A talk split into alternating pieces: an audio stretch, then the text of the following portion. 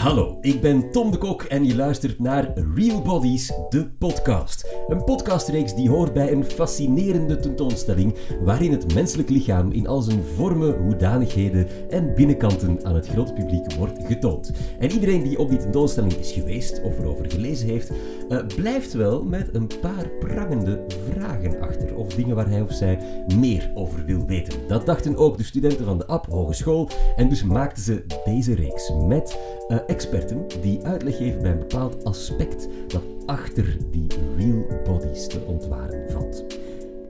We zitten tussen de lichamen die ooit gewoon rondliepen. En voor ons is dat misschien wel een vreemde gedachte, maar sommige mensen komen daar dagelijks mee in aanraking. Het is gewoon hun job. Een van die mensen uh, die hebben hier nu voor ons zitten, dat is gerechtelijk geneeskundige Diona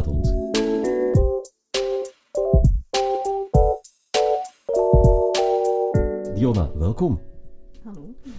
Kan je misschien eens beginnen met te vertellen uh, aan ons, eenvoudige zielen, wat een gerechtelijk geneeskundige doet?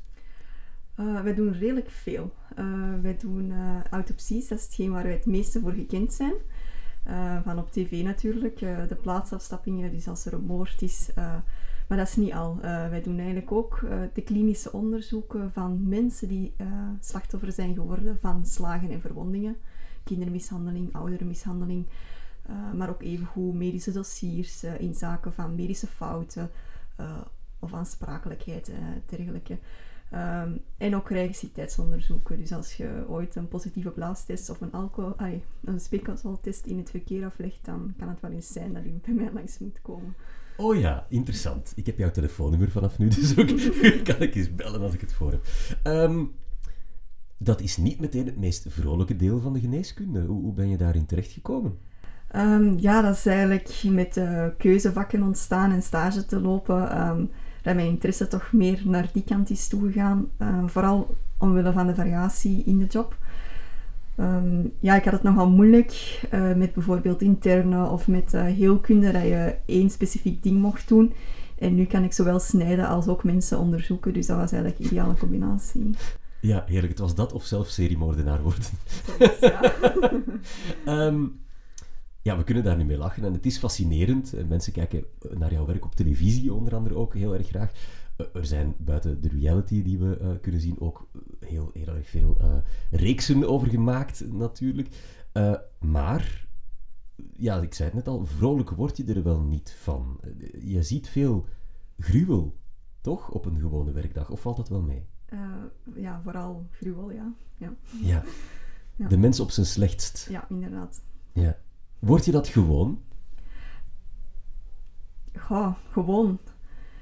Soms, uh, sommige dingen vind je dan minder abnormaal al, omdat je dat eigenlijk al zoveel gezien hebt. Maar sommige verhalen blijven ook gewoon erg. Uh, dus, dus ja, gewoon, helemaal gewoon gaat het niet worden, maar misschien toch wel wat oppervlakkiger allee, dan, zo moet ik het misschien ook niet verwoorden, maar ja, je kunt het sneller loslaten omdat het een soort van gewoonte wordt. Uh, ja. Maar dat is niet dat je het dan aanvaardt dat het dan normaal is, ik zal het zo zeggen. Hè. Dus, dus, je... Maar zijn vast dingen die je mee naar huis neemt, die je niet zo makkelijk afschudt? Sommige wat, dingen, ja. Wat voor dingen zijn dat dan? Vooral de kinderen zijn ja. lastig. Um, ja, vooral de kinderen of ja, heel gruwelijke moorden. Ja, van mensen mhm. in situaties gewoon bij toeval ergens zijn en dan komen te overlijden omdat ze het verkeerde lotje hebben getrokken, bij wijze van spreken. Dat zijn toch de dingen dat je meeneemt, ja. Ja. Het verkeerde lotje getrokken, dat is uh, een mooie formulering. Dat is het vaak, hè? Ja. ja. ja. Wrong place, wrong time, ja. wrong family. Mm. Ja. Um, die moorden, ja, dat is natuurlijk wat, wat wellicht op elk familiefeest willen de mensen dat weten. Hè? Van, vertel nog eens, Dion, heb je iets, wat heb je weer meegemaakt laatst? Is dat dagelijkse kost voor jou, uh, Moord? Of één keer per week, één keer per maand? Oh, dat, dat, is moeilijk. Het is zeker niet dagelijkse kost, dat zeker hm. niet. Um, maar het aantal varieert. Eh, ja, soms hebben we het heel druk en zijn er meerdere in één maand. En soms hebben we maanden geen moord. Mm -hmm. uh, ja, ik kan er moeilijk iets op plakken, maar ja. allee, zijn er voldoende, ik zal het zo zeggen. Maar. En dus dan, dan op een of andere manier is er een lijk mhm. en word jij daarbij gehaald als, als, als uh, um, expert geneeskundige. Hoe, hoe, hoeveel dokter en hoeveel speurder ben jij? Hoe verhouden die zich tot elkaar? Want jij moet ook een deel van het, het speurwerk, het onderzoek doen, vaststellen of het om een moord gaat bijvoorbeeld en hoe het gebeurd is? Ja. Oh, ehm, dank er, we krijgen natuurlijk ook al wel wat informatie van de politie wat daar is. Ehm, en ja, wij proberen natuurlijk met z'n allen uh, een, een, verhaal te creëren om te zien wat er mogelijk zou hebben kunnen afgespeeld. Uh, maar dat is niet wat je helemaal alleen doet. Het is eigenlijk vaak samenwerken met de politie. Uh, want iedereen ziet ook andere details. Um, ja, een soort van puzzel dat je samen gaat leggen om dan tot een mooie eindconclusie te komen. Ja. En dan, maar in van die Amerikaanse reeksen is het vaak de wetsdokter die dan zo net, net dat ene ding ontdekt waardoor de hele zaak aan het kantelen gaat. Heb je dat al, heb je dat al gehad? Dat is minder frequent. het zijn vooral Ja. de speurders die veel werken. Ja, ja, natuurlijk, ja. Ehm, kunnen we het even hebben over het eh, fascinerende, maar ook gruwelijke aspect van de autopsie? Dus jij krijgt dan dat lijk mee naar huis en je, of naar je praktijk en je gaat dat ontleden. Hoe gaat dat? Kan je ons daar eens door, doorwandelen? Hoe gaat dat? Waar, begin je mee? Ehm, altijd eerst een uitwendige beschrijving. Dus wat zien we? Wat heeft die persoon aan? Welke letsels heeft die? Eh, dat gaat naar, zoeken naar prikletsels en dergelijke. Ehm, ja, die persoon eh, meten om te zien hoe groot dat is. Om eventueel nadien moest er een scenario worden nagespeeld dat er een stand-in kan gevonden worden die zowat hetzelfde postuur heeft. Oh ja, ja. Ehm, en dan beginnen we natuurlijk met de lijkopening. Ehm, meestal beginnen wij aan de rugzijde, dan het hoofd en dan de voorzijde. ja. En eigenlijk elk orgaan wordt eruit gehaald en dan nog eens gedetailleerd ehm, bekeken en versneden. Maar waar ga je dan naar op zoek? Wat zoek je? Mogelijke doodsoorzaken. Ja, dus ja, als er trauma is, dan merken we dat meestal al wel aan de buitenkant. Maar we hebben evengoed heel veel lichamen ehm, waar wij uitwendig niks zien. En dan gaan we op zoek naar een natuurlijk overlijden. En als dat er niet is, heb je nog altijd een toxicologisch overlijden. Ja. En sommige zaken blijven onopgelost, jammer genoeg. Ja, voilà, want Ja. gebeurt het dan dat je aan het einde van die hele reeks zichtbare en minder zichtbare mogelijke oorzaken toch geen antwoord vindt? Ja, vooral omdat wij geen genetisch onderzoek eh, kunnen doen. Dus heel veel hartafwijkingen zijn genetisch bepaald. Ja. Ehm, maar natuurlijk, ja, justitie focust zich op het eh, ja, gewelddadig al dan niet. Ehm, en dan wordt er ook geen subsidie voorzien voor, eh, voor ja, genetisch onderzoek. Oh ja, zo simpel kan het, Ja, kan het zijn. hè. Want dat bestaat dus mensen die om een genetische oorzaak gewoon stoppen met leven op een bepaald moment. En dat vind jij niet terug in het normale onderzoek dat je doet. Nee, nee, meestal niet. Straf. Ja. Dat wist ik niet. Ja. Ehm, hoe, hoe stel je ehm, ja, een doodsoorzaak vast in de zin van, ehm, gaat het altijd dan om beschadigde ingewanden of zo? Of Hoe moet ik me dat voorstellen? Hoe, wat zijn de indicatoren waar je naar kijkt als je zo'n lijk opent? Ehm, ja, bijvoorbeeld bij de hersenen kunnen we al direct zien een hersenbloeding en een hersenvliesontsteking. Dat zijn eh, redenen om te sterven. Dat kan je echt visueel Ja, zien. dat kun je Ja. visueel zien. eh, dus dat is eigenlijk helemaal niet zo moeilijk. Dat heb je ook direct door als je de schedel opent. Ehm, nog andere zeer frequent voorkomende doodsoorzaken zijn longembolen. Eh, dus een stolsel eigenlijk in de longbloedvaten. Ja, tumorale lesies kunnen we ook wel terugvinden. Ehm, ja, infectieziekten. Dat je- veronderstelt wel een boel kennis. Is dat, is dat ervaring die je opbouwt ook? Of? Ja, je hebt natuurlijk je basiskennis van de geneeskunde wel. Ehm, en je hebt sommige dingen dat frequenter voorkomen, maar het is wel vaker dat je toch nog even je boek moet pakken om te kijken van ja, wat is dat nu juist? Ehm, omdat je overal wel iets van weet, maar nog niet per se overal alle details van Ja, kent. ja, ja. Ehm, dus je bent altijd wel een beetje alert ja, Ja. voor kleine details, eh, want die kleine details kunnen dan wel eh, antwoorden geven eventueel. Stop je met zoeken als je een oorzaak gevonden hebt, of doe je altijd het volledige onderzoek? Eh, we doen altijd een volledige autopsie, ja. Dus Ja. dat wel. Ehm, want sommigen kunnen, ah, je kunt zeggen, ja, waarom gaat je een autopsie doen als er een mes in steekt? Maar dat is soms ook om de verklaringen van anderen te toetsen. Eh, er wordt soms gezegd van, ja, ik heb haar om het leven gebracht omdat ze terminaal ziek was. Dan is het wel aan ons om te bevestigen, is die persoon wel terminaal ziek? Ja, Eh, klopt dat verhaal? Eh, zoals dan nog mag je die niet om het leven brengen, Nee, voor al duidelijkheid. ja, Maar, maar het is inderdaad, ja, jullie leveren niet alleen een doodsoorzaak, maar ook puzzelstukken voor het onderzoek. Ja. Daar komt het eigenlijk op neer. Ja. Ehm, dat is een autopsie, dus in, in, een, in een dokterskabinet gebeurt dat dan. Ehm, wat, wat kan jij ter plaatse op een plaatsdelict doen? Uh, maar plaatsdelict, ja, dan is vooral de omgeving uh, bekijken. Hoe ligt die persoon uh, in verhouding tot bepaalde kamers of, of, of sporen er aanwezig zijn. Um, en dan vooral ja, de kledij, ook weer de eerste letsels, um, tijdstip van overlijden eventueel al, omdat je daar nog geen interferentie hebt van Ja. de koelcellen en dergelijke. Sta je dan ook tegen iedereen te schreeuwen, niet rondlopen op de plaatsdelict, zoals in CSI? Of hoe gaat dat dan? dat is meestal voor ons al afgezet. Ja, dus- je collega's zijn heel professioneel. Ja. Nee, wij komen mooi toe. En Ja. ja, zo. Maar is wat wij op televisie over jouw werk te zien krijgen, ik bedoel dan in fictie, buiten het feit dat die natuurlijk allemaal in mooiere auto's rondrijden en duurdere computers gebruiken met 3D-projecties en dat... Maar hebben wij een correct beeld van jouw werk? Een beperkt beeld, denk Ja. ik, omdat wij meer doen dan alleen ter plaatse gaan en autopsies eh, doen. Eh, ja, een heel groot percentage is eigenlijk de levende mensen Ja. zien, eh, de dossierstudies eh, en nog wat extraatjes, hè, zoals naar assise gaan, eh wedersamenstellingen bijwonen. Dus er komt wel wat meer bij kijken dan ja, het spectaculaire, de dode mensen. Ja. Maar ja, dat is, dat is de tv natuurlijk, dat, dat boeit.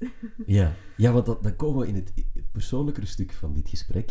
Ja, natuurlijk, ik, ik zei dan, daarnet al lachend, op familiefeesten zullen ze dan wel vragen van, "Eh, vertel nog eens over een moord die je recent mee hebt opgelost. Maar eh, ja, dat mensen ehm, kijken vooral naar de sensatie van jou, ja.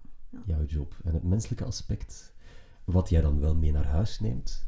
Ik neem aan dat je de levenden vaker mee naar huis neemt dan de doden. Ja, Ja. ja. ja. Omdat dat verhaal ja, soms Hm. toch nog pakkender is. Dan, eh, omdat die dat Ja. zelf brengen vooral. Ehm, Ja. Als iemand persoonlijk voor je zit en begint te huilen met feiten dat ze hebben meegemaakt. En je ziet dat die eigenlijk ja, heel diep zitten, ik zal Mhm. het zo zeggen. Dan, is, ja, dat neemt je natuurlijk wel mee, omdat die mensen die zijn er nog en die hebben nog altijd steeds pijn. Ehm, Ja. die confrontatie is harder dan, dan Het- ja, een lijk. het cliché-stemmetje in mij zegt dan van ja, maar jij bent ze wel aan het helpen. Als ze bij jou zitten, dan zijn ze al een eind op weg om geholpen te worden, of niet? Als het over mishandeling bijvoorbeeld gaat, Dan is er onderzoek bezig, ja. Dan dus dat is, help jij om de situatie beter te maken. Ja. Ja. Lukt dat ook, die situatie beter maken, of is dat toch wat dweilen met de kraan open? Dat kan ik he- ja, heel moeilijk inschatten. Ehm, ik, ja, ik weet als ze dan bij mij komen, dan is er onderzoek lopende. Hoe dat, dat onderzoek verder verloopt, Ehm, ja, de juridische processen dat er nadien volgen, daar zijn wij niet altijd van op de hoogte. Jij gaat dat niet opzoeken dan hoe het eindigt. Jij probeert dat te compartimenteren. We zien redelijk veel als ik dat allemaal moet gaan Ja. opzoeken. Dat, ja, dat is lastig. En vaak is dat dan ook met een periode tussen. Dus dat Ja. is niet dat je nu iemand ziet dat de zaak opgelost is over, over een maand of zo. Ja. Maar jij, jij vertelt hier goed en graag over en, en boeiend. Maar wat doet dit nu echt met je? Ik bedoel, dit, dit, is niet hetzelfde als ehm, brood verkopen in een bakkerswinkel, wat mijn moeder heel haar leven gedaan heeft. Ik bedoel, hier zit wel, dit is een job met een serieuze rugzak aan. Heb je daar soms last van, die rugzak? Goh, eigenlijk niet echt, maar dat is omdat ik er misschien al lang in zit. Ehm, ik denk in het begin was het wat moeilijker. Nu kun je dat allemaal al wat meer plaatsen en, en, en ja, je hebt je manieren om dingen te verwerken. Ehm, ja. Ja. Wat zijn die manieren om dingen te verwerken? ja, ik heb zelf een dochter, dus ik focus mij gewoon op mijn huishouden en mijn... Ja, ja jij ik bent heb ook het eigenlijk druk. ja. Hoe oud is je dochter? Eh, die wordt bijna vijf. Eh, Ja, oh, ik heb er eentje van eh, zes, dus ik kan me, ja, inderdaad, dat zijn wel wat machinewas en zo die je moet doen, hè, waar je niet aan dus kan ontsnappen. Ja, en duwen op de schommel en dat, dat soort dingen. Weet, weet jouw dochter wat voor werk jij doet? Vaag. Ehm, Hoe zou ze dat zelf omschrijven? Ik denk dat ze zal vertellen dat ik met dode mensen werk. Toch Ah, toch, dat weet ze. Het is niet dat je haar vertelt, ik ben dokter, bijvoorbeeld, of zo. Ik, ik- of- Eh, ja, ze weet Ze dat weet ik dat ik dokter ben. Ja. ehm, en, en dat ik ja, natuurlijk eh, ook dode mensen zie. ja? En dat ik de politie help, dat weet ze ook. Eh, maar zo ja, wat ze heel goed weet in detail... Ja, ik heb nog nooit verteld over een Nee. lijkopening of dergelijke. Maar zelf was zij ook wel ge- geïnteresseerd in, in de dood al. Ehm, ze had de film Coco gezien en daar waren dan skeletjes in. En Ja, ja, ja, ja. op die manier was dat dan wel... Dat is wel was van- vroeg, hè? Ik Bedoel, ik, ik weet niet of ik dat gesprek met mijn dochter al Je had het als natuurlijk... de film Coco kijkt. Ja, ja, maar, die, ja ik, maar die film vermijd ik dan bijvoorbeeld heel erg bewust. Maar heb jij bewust met je dochter wel... Ja, je moest wel. Eh, Waar is dat ergens gebeurd, dat gesprek? Hoe, hoe heb jij haar verteld wat je doet? Is dat een bewuste keuze van jou geweest om dat eerlijk te vertellen? Ehm, ja, eigenlijk wel. Omdat het anders moeilijk wordt ehm, om te zeggen waarom ik zo vaak weg moet of zo laat weg moet. Ehm, Ja. ja, anders was het moeilijk voor haar om te begrijpen. Zij heeft ook zo heel... Ze houdt zich vast aan structuur en dergelijke. En als zij weet van ik moet werken, dan weet ze dat er een kans is Ja. dat ik ja, de politie moet helpen. Of, of ja, in haar hoofd ben jij Ja, mega mindy natuurlijk. zoiets. ja. Ja. Zoiets. Fantastisch. Zeg, en, en ehm, welke rol speelt de dood in jouw leven? Kijk je anders naar de dood dan, dan voordien, of dan, of dan ik wellicht naar de dood kijk? Ik heb wel een ideaal scenario van hoe ik wil sterven, maar ja, sommige dingen zou ik liever niet, allee, op, op sommige manieren zou ik liever niet willen doodgaan. Eh, maar ja, je hebt dat natuurlijk helemaal niet in de hand. ehm, maar ik Ja. hoop dat ik vredig ga slapen en eh, niet wakker Ja, dat is, is dat jouw ideale scenario? Is gewoon gaan slapen, niet Ja, wakker dat ik worden? niks aan Ja. weet, ja. Ja, daar zouden we allemaal voor tekenen. En dat liefst op gezegende leeftijd dan ook. En gezond. Gezond, ja. We moeten het ook nog even over één bepaalde dag in jouw carrière hebben. Jij was ook betrokken bij ehm, de onmiddellijke nasleep van de aanslagen in Zaventem. Je hebt mee eh, slachtoffers geïdentificeerd. Kan je ons iets meer vertellen over hoe dat precies gegaan is? Ehm, dus het team van Leuven, eh, die waren ter plaatse gegaan. ehm, en zij hebben dan bijstand gevraagd eh, van het eh, team van Antwerpen om mee te komen helpen voor de identificatie van de slachtoffers dan bij hun in het ziekenhuis. Ja. En wij zijn daar dan een hele dag mee gaan helpen. Ehm, ja, de mensen beschrijven, de letsels beschrijven, zien of ze nog spullen op zich hadden om eventueel dan de identificatie te laten goed verlopen. Ja. Ehm, was dat toch anders dan andere opdrachten?